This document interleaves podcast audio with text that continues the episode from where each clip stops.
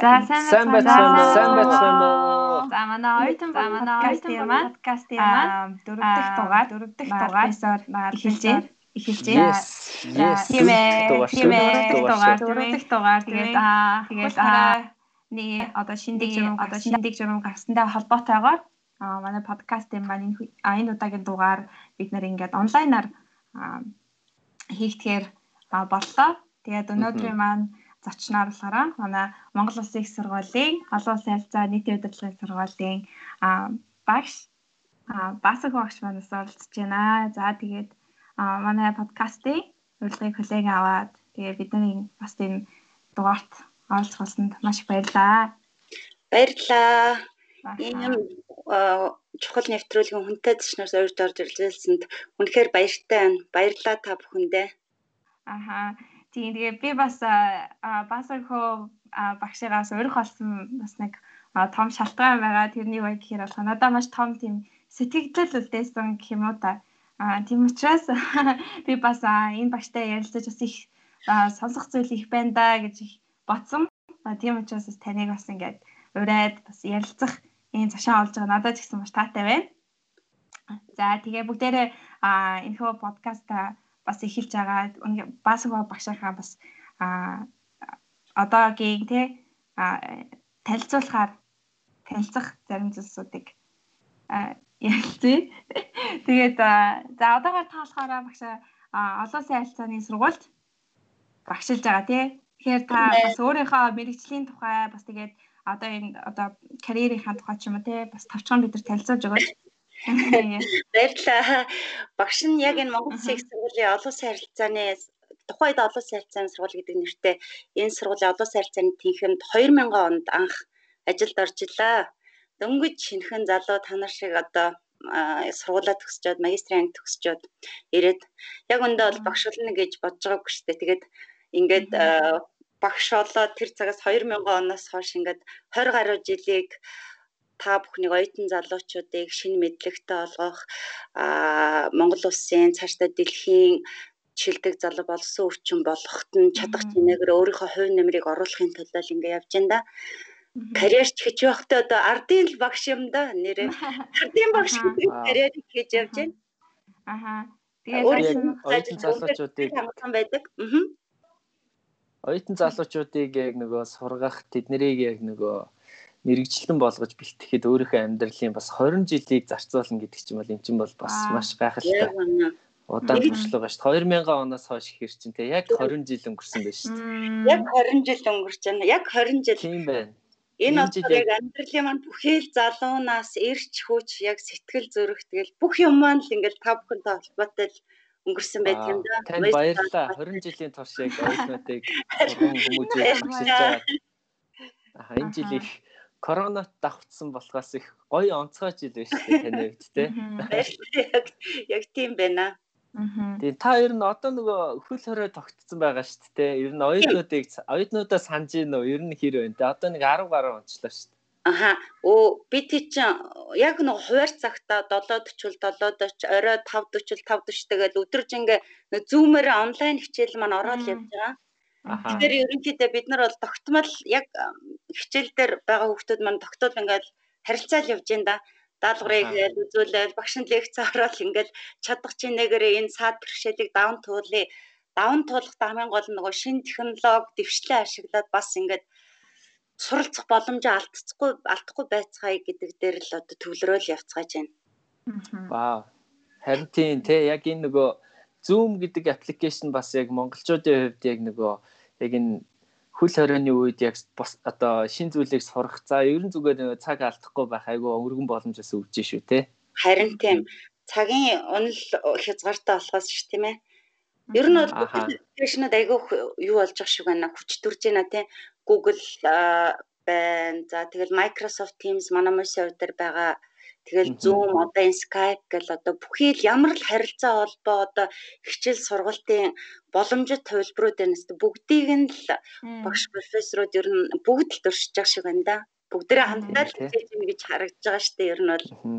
Та бүхэнд баярлалаа. Тэгээд ямар ч байсан яг нөгөө энэ онцгой цаг мөчид ч гэсэн яг одоо одоо эмч нар цагдаа нар гэл айгүй олон хүмүүс мэдээж их талархал хүлээж байгаа ч гэсэн яг онлайн нөхцөл ч гэсэн өөрсдийнхөө ажлыг нөгөө тасалахгүй хийсээр байгаа манай сургууль хүмүүжүүлэгч нь багш хүмүүс бол бас баярлаа та бүхэнд талархаж байгаа шүү оюутнуудынхаа өмнөөс бас баярлаа гэж хэлмээр байна. Баярлалаа. Мянган мянган багш нарынхаа өмнөөс баярлалаа. Сайхан урмыг авлаа баярлалаа. За түрүү танаас яг нэг гоё асуулт надад ороод ирлээ л дээ. Та түрүү яг хэлжсэн ш нөгөө анх дөнгөж магистраа төгсөөд яг одоо шин залуухан магистр байх үедээ мост багшаар орж илээ. Тухайн үедээ багш болъё гэж ерөөс огт бодож байгаагүй гэдэг тий. Тэгээ одоо яагаад та ингээ 20 жил багшилчваа? Юу болов энэ донд тий? Яагаад та багшлах шийдвэр гаргаж байгаа. Яг үнэ. Маш сонирхолтой асуулт. Багш нь анх 1998 онд чинь тухайн Орос улбаны улсын МГИМО гэдэг одоо олон улсын харилцааны дээд сургуулиудыг их Оростой чалдартай дэлхийд чөлөөнд шүргсэн. Тэнд олон улсын харилцааны магистр зэрэг хамгаалаад манай ангич чан нэг 17 8-уулаа цөөхөн л дөө гадаад 3 оюутантай бусан дандаа Орос оюутнууд.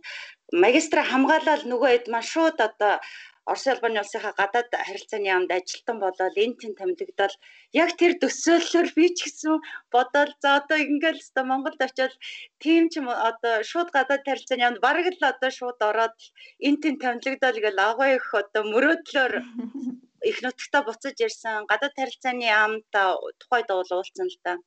Тэгээ мэдээж бол яг хэр зэрэг оронтой бусад асуудлууд бол байсан л та. Тэгээд самсаргүй ажил нөө дүү маань яг мост сурдаг оюутан байж тараад ихчээд та бол яг багш хийж чадах хүнээ би яг мэдээд байна. Танд яг нэг юм багшийн нэг авьяас ч юм уу нэг юм байдаг.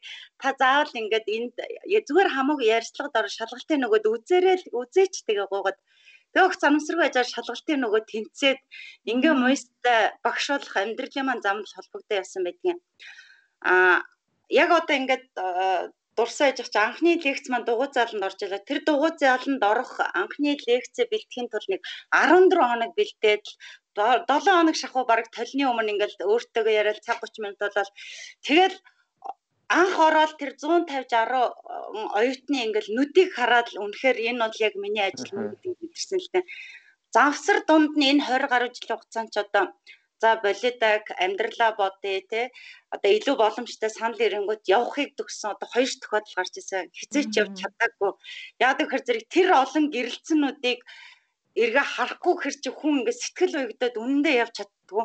Тэгэхээр яалтчгүй багш гээд санамсаргүй багш болсон ч гэсэн энэ яг нүдүүгийн ман зүйлснээр яг миний хийж чаддаг, миний сэтгэл зүрхөө зориулж чадах яг л тэр мэрэгжил байсан гэдгийг э, явц тундаа бол би ойлгосон. Ер нь бол яг тэр анхны багш болсон тэр өдрөөс л багш болохоор хатуу шийдсэндээ эргэлт туцалдаггүй.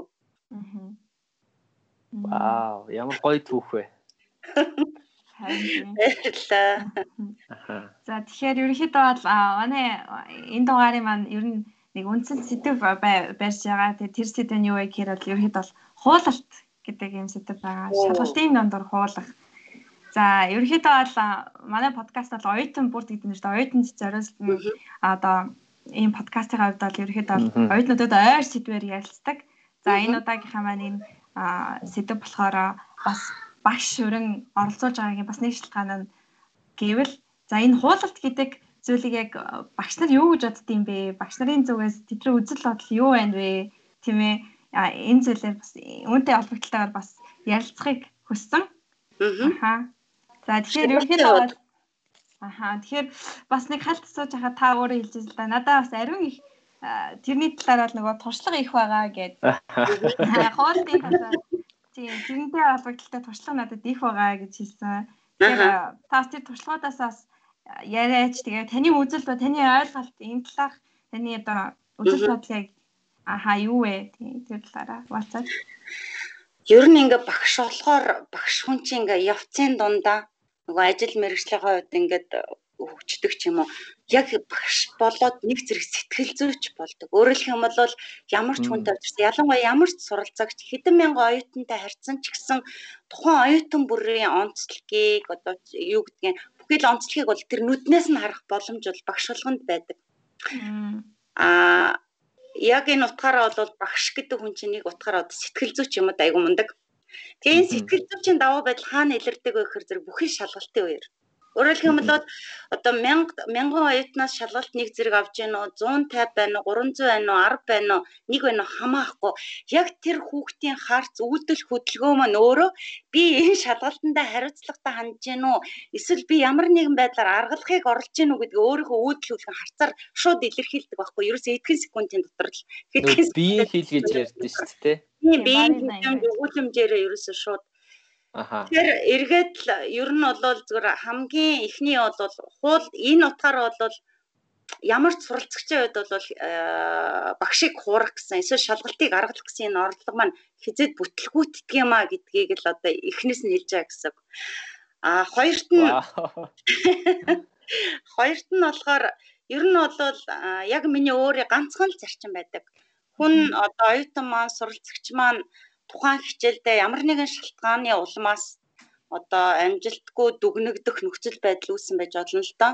Одоо өөр шалтгаангаараа хичээл уншаагүй ч юм уу, хайн ганцсан ч юм уу, дараа нь дараа нь гэсрээд нэг мэдл тулсан ч юм уу, маш олон.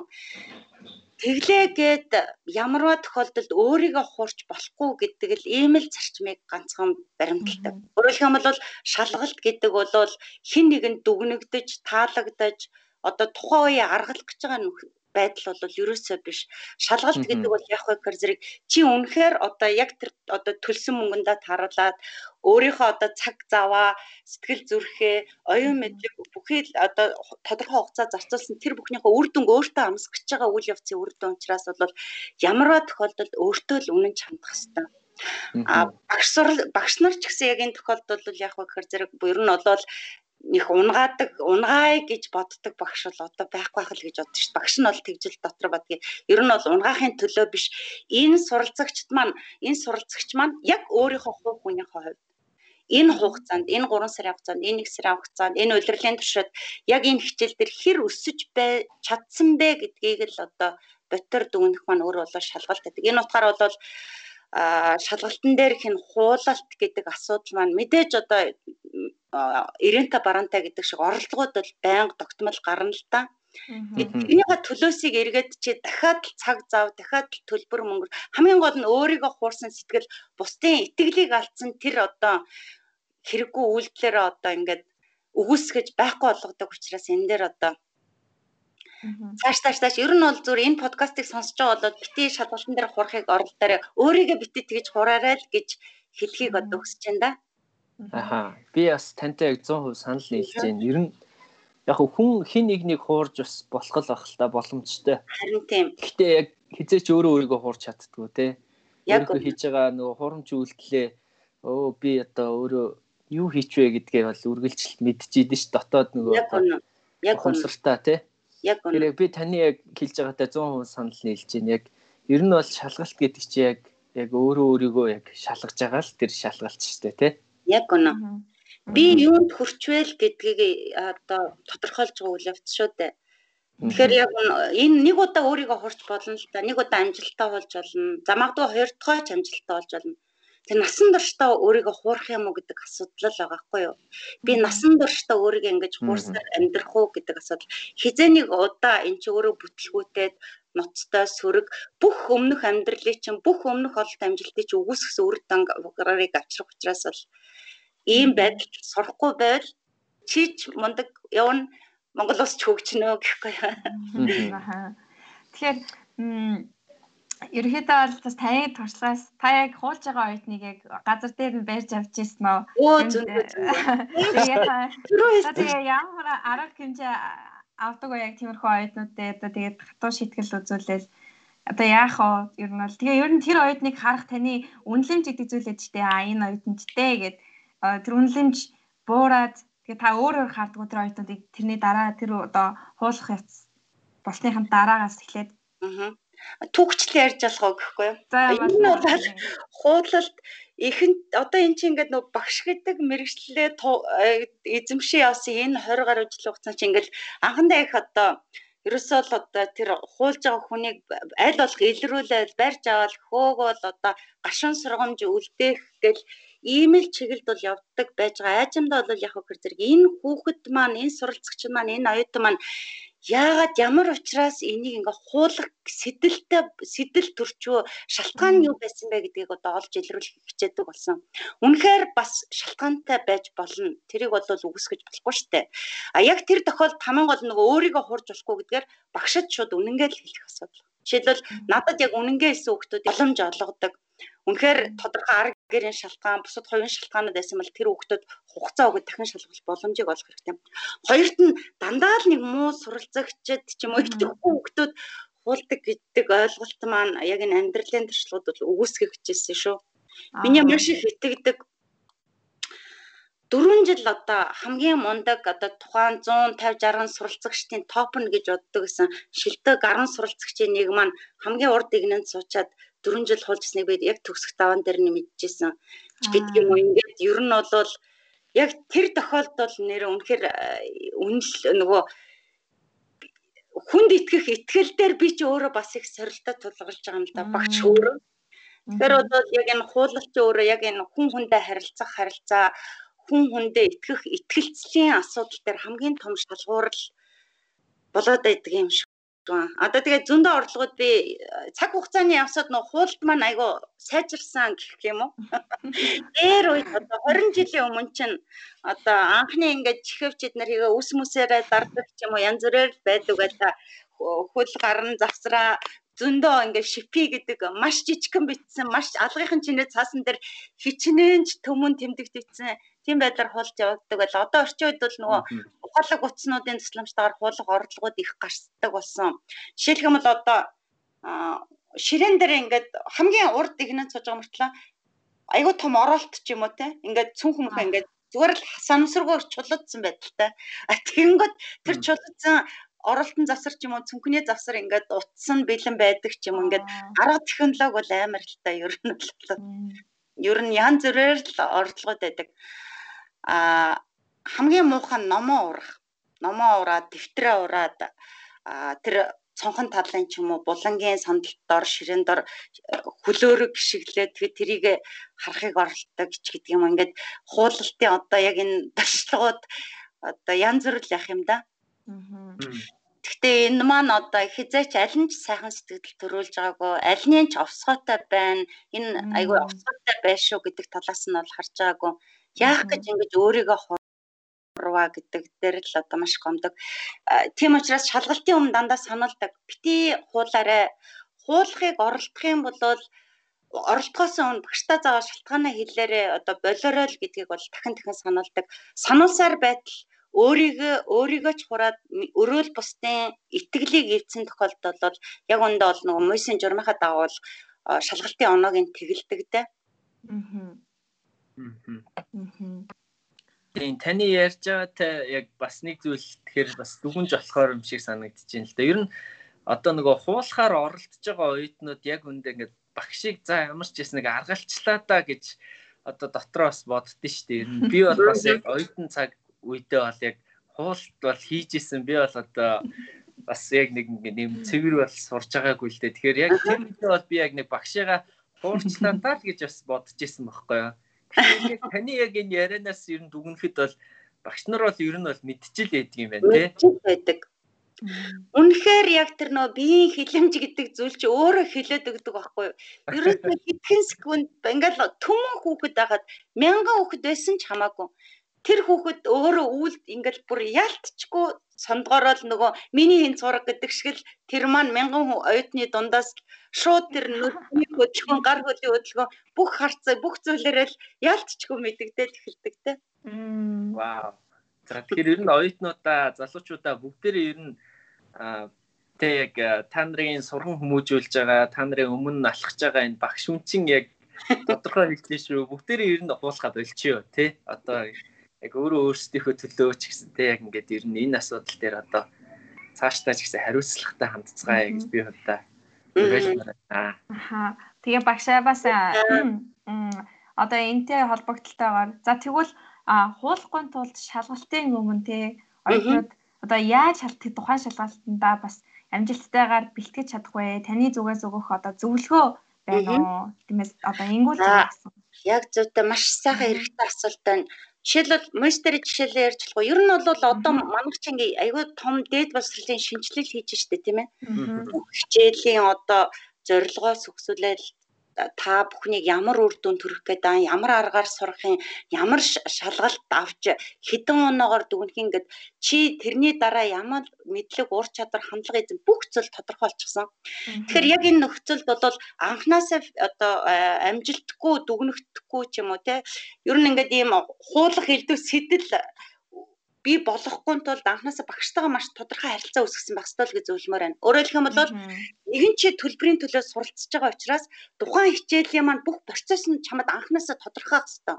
Өөрөөр хэлэх юм бол юу сурах юм, ямар бие даалт хэдэн оноогоор дүгнүүлэх юм, явцын шалгалт гэж байх юм уу, улирлын шалгалт нь ямар хэлбэрээр баах юм, ямар асуудалгаар ерөнхий байх ёстой? юм гих мэтлэнгээр анханасаа тэр тодорхойгүй яваад л эхлэх юм бол нөгөө хичээлийн явц тунд ингэж одоо инерцээр явсараад үр дүнд нь суралцагч маань өөрөө бас тодорхойгүй байдалд орох тохиолдолд бол гарч болзошгүй учраас. Тэгэхээр өөрийгөө ийм эрсдэлд оруулахын тулд багшаа нөгөө хичээлийн тодорхойлт гэж ярьдаг. Энэ нөгөө дүгнөх бүх процессда ямар ном ашиглах ямар бие даалтыг гэл энэ бүхнийга та урьчилж өгч явуулаач гэдгийг л одоо багш болгоноос л асуудаг. Тэрийг өөрөө хэрэгэлж сурдаг байх нь бол маш амжилттай дүгнэх эхний том шалтгаан шүү. А хоёрт нь юу гэхээр зэрэг ер нь бол шалгалт маань өөрөө агуулгынхаа хувьд бол түрүү хэлжсэн тийм ээ. Хин нэг нэг унгай гэж бодож одоо тест боловсруулдаг багш юм уу? Одоо асуудаг багш одоо өдийд бол байхгүй болсон бахал гэж бодож боддог. Би өөрөө хувьдаа бол Тэгэхээр яг энэ нөхцөлд бол багшаасаа одоо багш маань өөрөө шалгалтын өмнө бол чиглэл гаргасан байх хэвээр. Хүүхдүүдэд ингэж ингэ дүгнэх шүү гэснийхээ өрөөнд жишээлбэл шалгалт авах гэж байгаа асуулгуудаа багшаас асуудаг, тодорхой байлгадаг, ямар ном ашиглах энэ бүх мэдээллүүдээр л хангагдах асуудал бол амжилттай шалгалт өгөх одоо урдч нөхцлөө гэж хэлээ да. Аа. А тэгээ бүр боломжгүй бол ялтчгүй одоо ингээд гарцаагүй шаардлага үүссэн бол шууд багштайгаа хувьчил одоо хандхан тийм ээ ийм юм шалтгааны улмаас багшаа та надад боломж олгоно гэд яг бол одоо янз бүрийн өсгөн тэмдэглээнүүд бий болоод чи сарын дараа ч юм уу дараагийн удирдлагаа ч юм уу шалгалтаа нөхөж өгөх боломж бол бий болсон шүү дээ. Тэгэхээр яг ийм байдлаар одоо чамд ямар боломж байна? эргээд тэр бүх боломжуудыг мэдээлэлээр хангаагдах, дүрмээ мэддэг байх, эр хүргээ мэддэг байх бол хамгийн чухал шүү л гэдгийг хэлээ да. Аа. За За тэгвэл агшаа бас нэг өөр сонирхолтой нэг бас оюутны зүгээс асуух асуулт байна. За амжилттай оюутан багш нарын нүдэнд яг ямар хуу одоо одоо юу гэдэг лээ харагддаг вэ? Одоо ямар одоо тий тийм characterтэй байдаг вэ уу да тий нэг ийм ийм оюутанд багш нарын нүдэнд амжилттай оюутан шиг харагддаг шүү гэсэн одоо таны зүгээс тий та юу гэж бодож байна? Таны зүгээс та ямар оюутныг яг амжилттай оюутан байна да гэж хардаг вэ? Анх одоо жишээлбэл Батэрийг харсан миний одоо үнэлэмж а баг багаар 7 хоногийн дараа 5 7 хоногийн дараа 16 7 хоногийн дараа өөрчлөгдөд энэ хүүхэд дуугаа байсан бол багийнхаа ажилд оролцдог болоод илтгэл тавьдаг болоод асуулт асуухаас айхаа болоод ном сурвчдаг болоо ч гэдэг юм. Ингээл хувь хүнийхээ хувьд л үнэхээр нүдэн дээр маань нээлт одоо ингээ өөрчлөгдөж байгаа. Жишээлбэл тэр маань заавал мундаг мэдлэгтэй болох албагүй штэ. Хандлагынхаа хувьд өөрчлөгдөж байгаа. Наазах нь ургуур явдаг гэсэн бол инээдэг болж байгаа. Хин нэгэнтэй харилцаасаа имээдгүй болж байгаа. Энэ бүхэн маань л өөрөө бол амжилттай суралцж байгаа оюутны маань дүр гэж боддог та. Тэрнээс энийг бол яг гэхээр зэрэг заавал 100% тухайн хичээлээр эзэмших хэвээр мэдлэгээр бол үнэлэх ямар ч боломжгүй ер нь бол. А тэгээ одооний суралцагч оюутнууд маань бүх чиглэлд айгүй тийм үнэхээр нөгөө багаасаа бүр 10 жилээс юм шиг байгаа ингээд айгүй бие датсан тийм ээ. Жишээлх юм бол одоо тэр мэдлэг олж авах хэлбрээрээ ч тэр итвэхтэй байдлаараа нийгэмд одоо хүлээж хариуцлага илэрхийлж байгаа янз бүрийн тэр сайн үйлсийнхаа байдлаар спортын урлагийг те ямар олон төрлийн айстай үнэхээр ямар мундаг юм бэ манай одоогийн залуучууд бол заримдаа үнэхээр бахархдаг шүү. А гэхдээ тэр бол одоо бүх хүн тийм байх ёстой, бүх оюутан тийм байх ёстой гэсэн үг биш.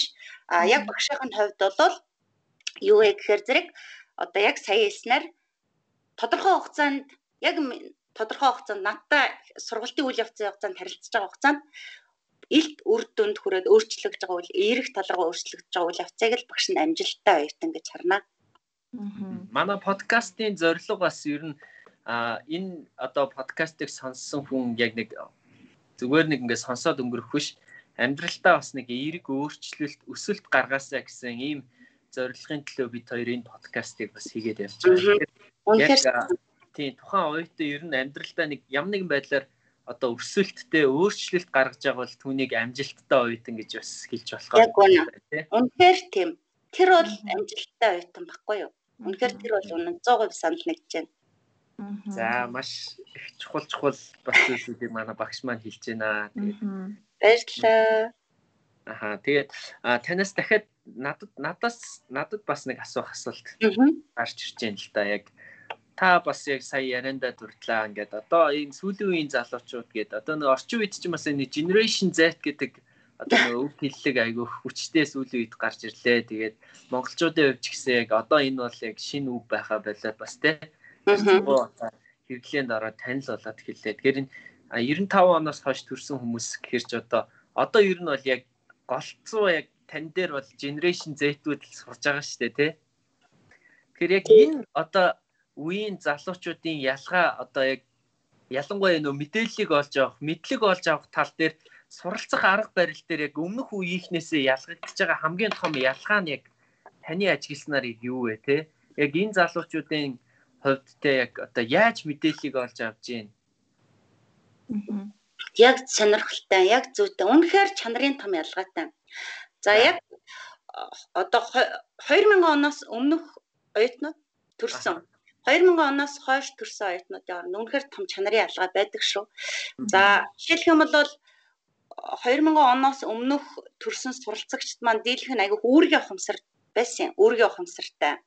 Би ингэстэй, би тэгстэй, ээж аав тэгж хэлсэн, багш ингэж зөөсөн, ийм даалгавар өгсөн, ийм л лекц орж байгаа. Би энэ хүрээнд л хийн гэсэн шиг А яг 21-р зуунд төрж байгаа суралцагчд маань угаасаа л өөрөө бараг л гидсэн дотор байхаас өксөлөл мэдээллийн зуунд одоо ментлээд өсөө төрнө ментлээд ингээд хүмүүж явж байгаа учраас энэ хүмүүс бол шал өөр. Нэгдүгээрт бол яг гэхээр зэрэг эрхийн эрх би ийм эрхтэй гэдгийг аягүй сайн мэддэг байгаа.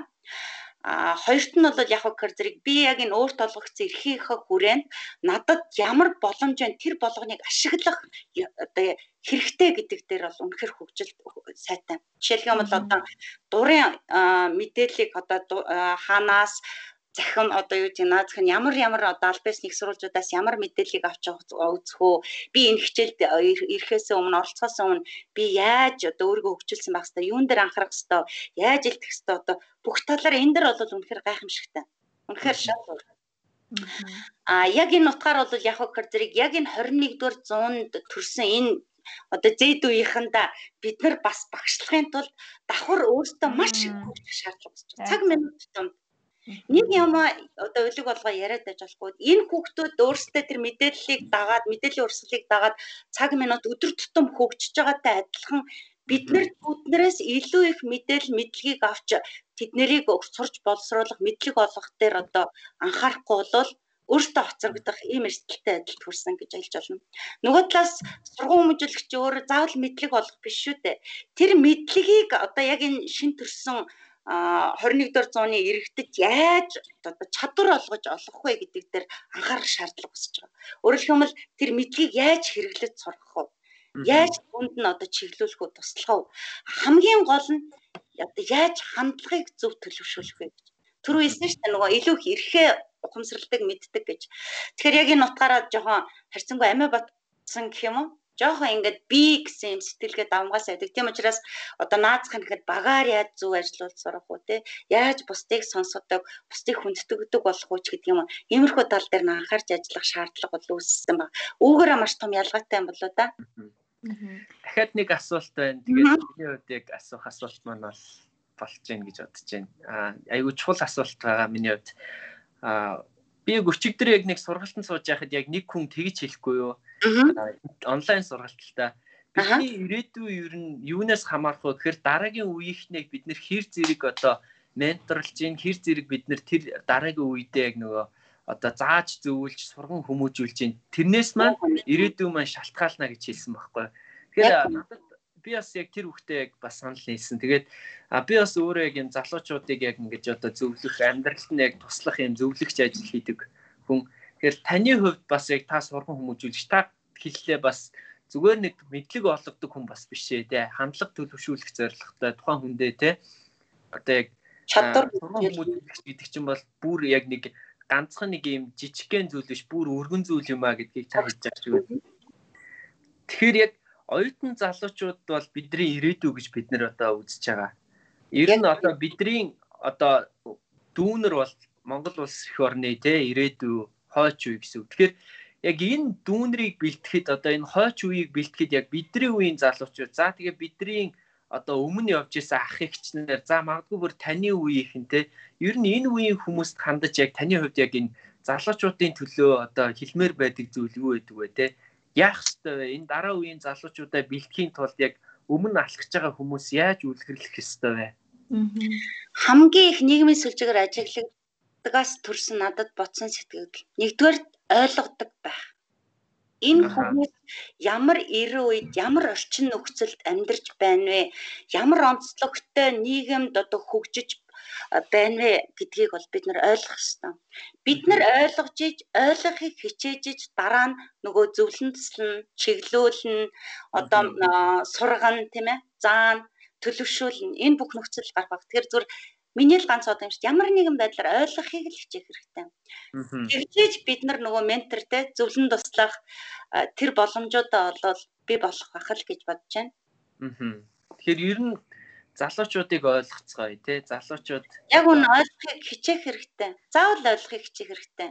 Яагаад одоо ер нь бол заавал ойлгох юу гэж бодож байна Батөрөө чи өөрөө би тантай яг 100% санал нийлж байна. Зүгээр яг таны нөгөө та бол яг энэ салбарт угаасаа айгүй олон жилийн туршлагатай 20 жилийн туршлагатай хүн учраас таны үзэл бодлыг л яг сонссон гэхүү дээ.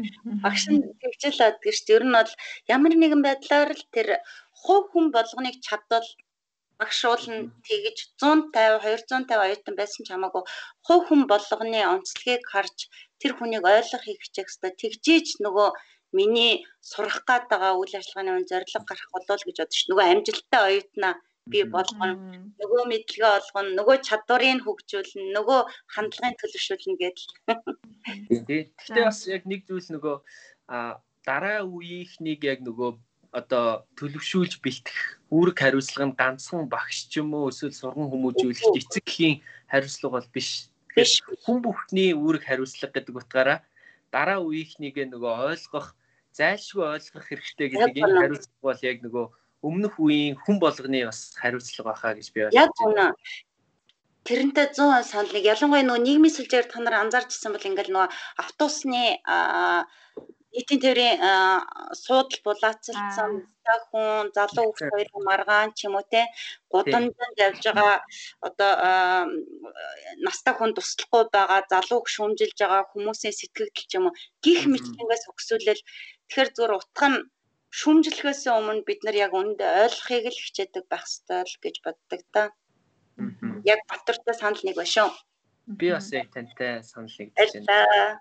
Энэ подкаст миний хувьд айгүй гоё үр өгөөжтэй подкаст болж юм гэж бас бодсон. Баярлалаа багшаа.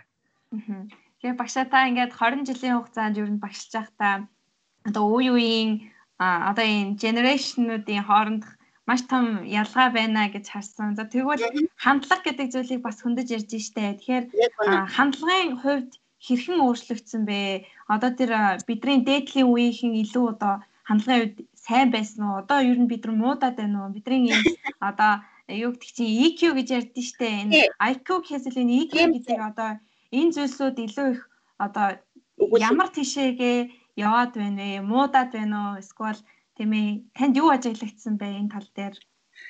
Мууд чинь гэж бас хэлж болохгүй л дээ.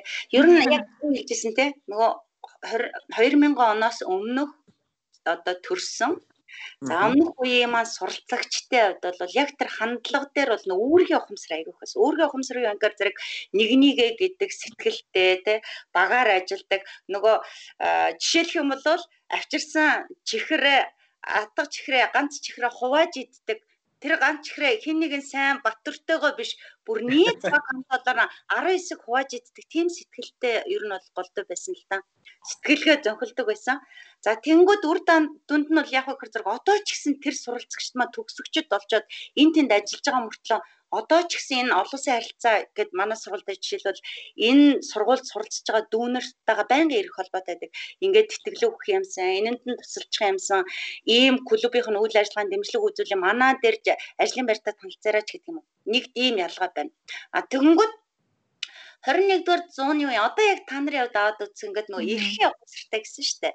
Тэгэхээр эрхийн одоо ухамсар давмгаалаад ирэнгүүт харьцангуй бас жоохон би гэсэн давуу талууд бол байна. Амин амиач. Жишээлбэл одоо мөнх гэрэлтэр жишээлх нь бол би багаар ажиллах чадахгүй. Яагаад гэвэл би Батөртэй баг болчоор Батөр миний дүнг доош нь хийх гээд байна.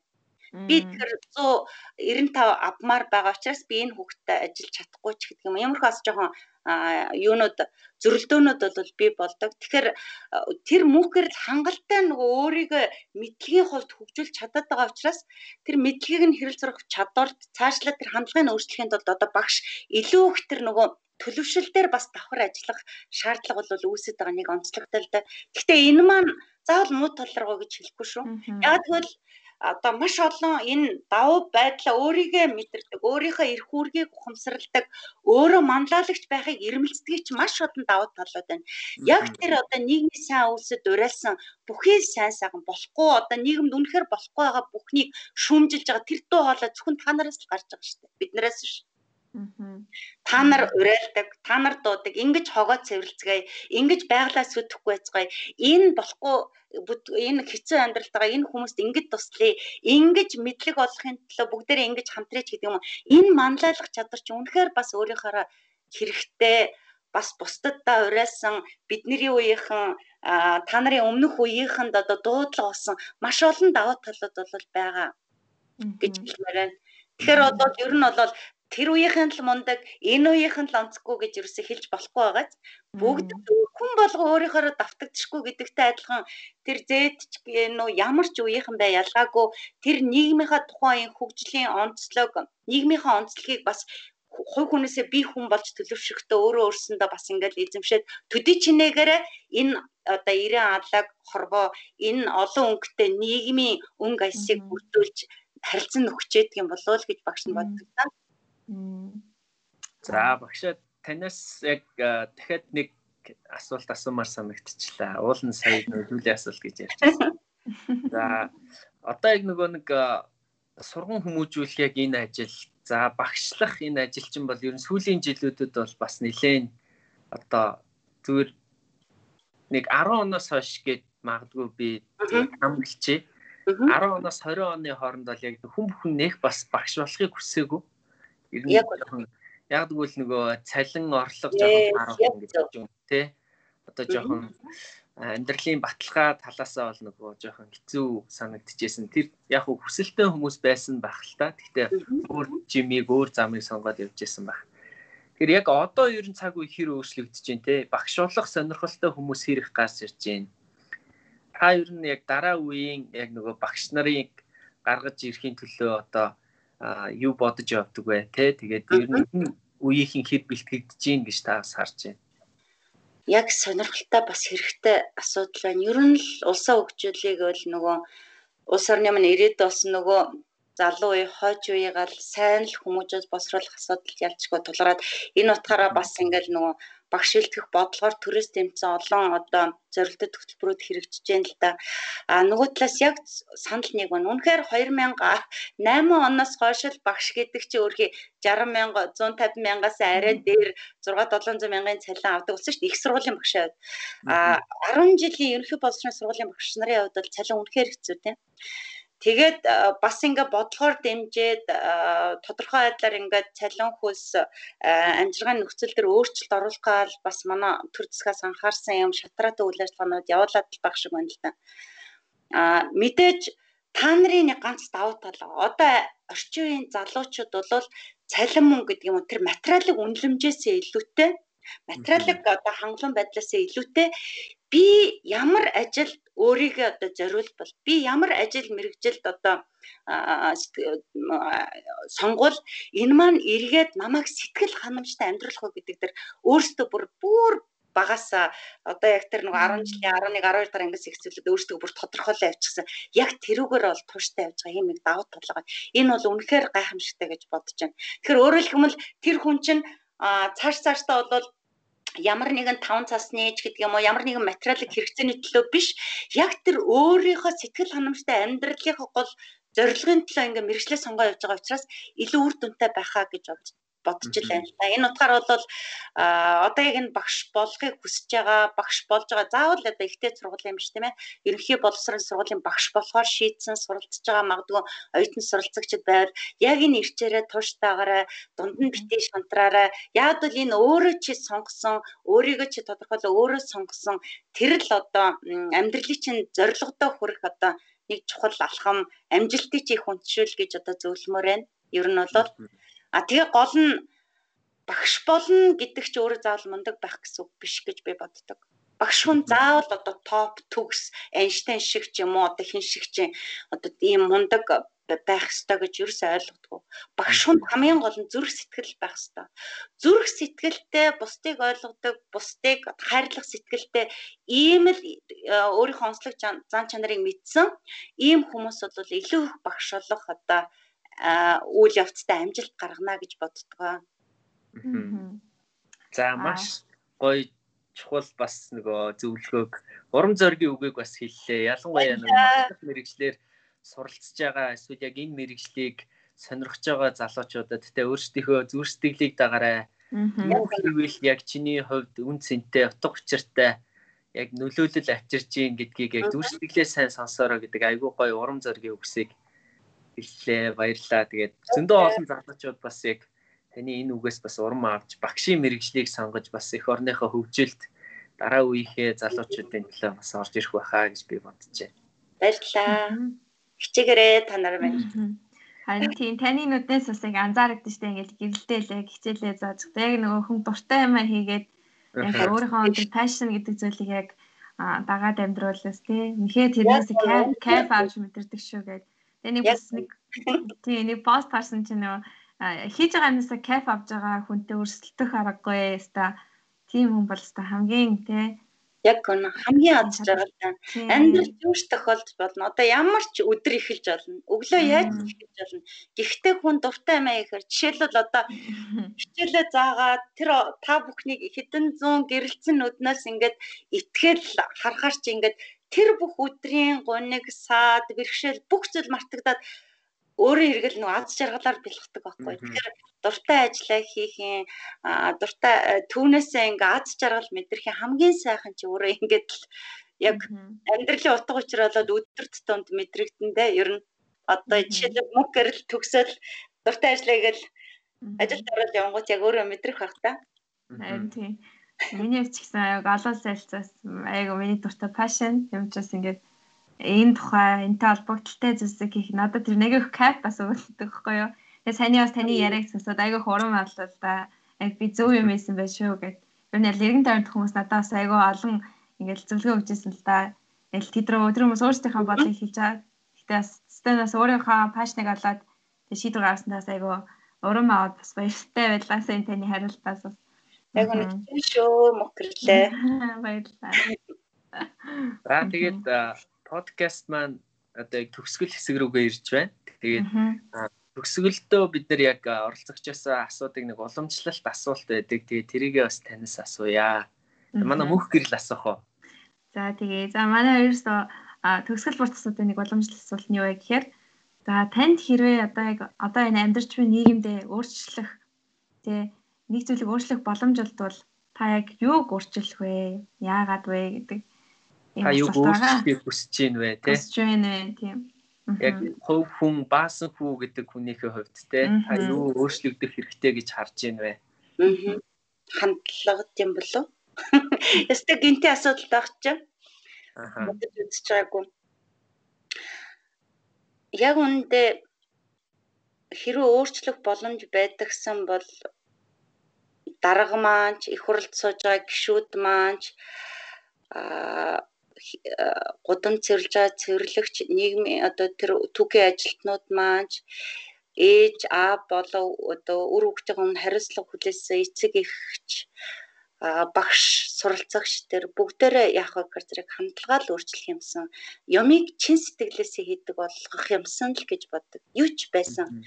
Өнөөдөр түүж байгаа хогоо чин сэтгэлээсээ зааж байгаа хичээлээ хариуцлагатай чин сэтгэлээсээ их хурлд одоо оролцоод ард иргэдэд төлөөлж байгаа үйл явцаа өөрийнхөө төлөө биш яг тэр чин сэтгэлээсээ сонгогдсон төлөөлөгчдийнхээ ард түмнийхээ өмнөөс гээд эдийн засагчд маань ч гэдэг юм. Ер нь бүхэл салбарт хүмүүс аливаа зүйлийг чин сэтгэлээсээ л хийдэг. Тийм л хандлагын л өөрчлөлт юмсан. Тэгвэл манай бас хөгжинтэй гэж би тантай 100% санал нэгж чинь чин сэтгэл бидэрт маш их дутагдж байгаа. Энэ нөгөө тухайн зүйл дээр яг үнэнч бай гэсэн тий. Тэгээд би яг энэ зүйлийг зүгээр жоох ингээд бодоод үзэхээр а нэг ийм бас зүйл гарч ирсэн байхгүй юу. Тэр нь хэлмээр байдаг зүйл нь одоо хүмүүс хандаж хэлмээр байдаг зүйл нь ер нь ямар нэгэн ажил мэрэгжил ч юм уу хүний хийж байгаа ажил гэдэгт одоо энэ нь илүү лаг энэ нь одоо арай мяа гэсэн тийм ямар ч тийм зааг ялгаа байхгүй тий. Нь бол одоо их хурлын гишүүн болсон учраас лаг явж байна. Эсвэл эсвэргээрээ те одоо хурл багшилж байгаа учраас жоохон ядруу явж байна гэдэг ямар ч юм зааг ялгаа авахгүй. Мэргэжил болгон өөрсдийн гэсэн зорилготой, өөрсдийн гэсэн ялгаа заагтай, өөрсдийн гэсэн одоо те тэр онцлогтой байгаа. Тэгэхээр яг тэр зүйлийг яг бид нар нөө ухаарах хэрэгтэй. Болтол босодтой өөрийгөө харьцуулахгүй байх хэрэгтэй их үү те тэндээс бидний нөө чин сэтгэл ургаж гарах юм болов тэндээс бидний одоо яг тухайн зүйлдээ яг зүрстгэлээ зориулах тэр хандлага маань илүү өөрчлөгдөх юм болов гэж би бас бодсон шүү дээ. Яг үнэ. Өстө мундаг дотор яг 100% санал нэг байна. Хизээч харьцуул харьцуулах байх хэлтэй. Тэгтэл тэр харьцуулт бол үнэхээр яг одоо яг энэ ажил мэргэжлийн хувьд аяг утгагүй шүү дээ, тийм ээ. Ажил мэргэжил болгоо өөрийнхөө онцлогтой, өөрийн давуу талтай өөрийн гэсэн онцлогуудтай тийм ээ. Би жишээл гудамжинд одоо түүхий ажилтан болоод үйлчлэгч хийвэл хийх л ахalta. Гэхдээ би тэр хүн шиг одоо дадаж хийж болол чадахгүй шүү дээ. Айгуул нэг хоёр алхаад өстө хамаг хөлс бүх юмтайгаа альдал одоо дутуу цэвэрлээд л гэл ингээл асуудал үүсдэг шиг. Тэгэхээр тэр мэрэгжил болго өөрийн онцлогтой, ажил болго өөрийн давуу талтай тэнд сэтгэл зүрхээ бид нар зориулан ажиллаж байгаа тэр хүмүүсээ бас хүндэтгдэг байх хэрэгтэй тий. Хин нэг өөрийнхөө дээр болон доор байлгаж харьцуулдаггүй байх хэрэгтэй. Өөрөөр хэлбэл одоо хүнлэгэл байх хэрэгтэй болж байна да. Тийм ээ? За энэ хүрээд яг оюутан бүрт подкаст маань энэ удаагийн гайхалтай дугаар маань энэ хүрээд өндөрлж байна. Тэгээд а энэ хүү дугаарт маань бидний одоо хүсэлтийг хүлээж аваад оролцсон Монгол Улсын сургуулийн багш Баасанхүү багштай маш их баярлалаа. Тэгээд баярлалаа. Тантай ярилцсан энэ нэг богино хугацаа миний хувьд бол маш урам зориг авсан. Ялангуяа нөө хөл хорионы үед яг нэг юм гэрте байгаа, жоохон уйдсан, яхаа мэдгүй байгаа зөндөө олон оюутнууд ч гэсэн их урам зориг өгсөн ийм цаг байлаа гэж би бодож байна. Тэгээ миний хувьд л маш их урам зориг авлаа. Тэгээд амьдралын бас айгүйх ирч хүч өглөө танаас айгүйх ирч хүчийг авч чадлаа. Маш их баярлаа гэж хэлмээр байна. Та нартай ч гэсэн баярлаа. Өөрөөсөө асууж үзээгүй асуултууд асуулаа бас ингээ богино хугацаанд ингээ амьдралаа хийж байгаа ажлаа бүхэл зүйлийг эргцүүлэх боломжийг олгосон бас та нартай баярлалаа. Бас надад урам өгсөнд баярлалаа. Баярлалаа. Бас юм Тийм оюутан явж гисэн бас маш амар урам авлаа л та. Танаас уг нь юм байнга л урам авдیں۔ да. Хичээл багш. Ер нь л тийм. Таны хичээл дахаар л тийм гоё уурай зөвхөлтэй тийм гоё энергит бол гараа гардаг. Тийм. Тэгээд бас манай подкастэнд нэг өрөө байдаг байхгүй багшаа. Тэгээд хэдүүлээ хамтдаа подкастныхаа төгсгөлд энэ үгийг хамт хэлье гэж хүсэж байна. Өнөөдөр оюутан маргааш удирдахч гэсэн юм өрөөг байгаа. Эдвэл хамтдаа яг энэ үгийг хэлээд подкастад босох уу? За тэгээ. За 1 2 3 ая. Өнөөдөр оюутан маргааш удирдахч. Өдөрт амжилт баярлаа.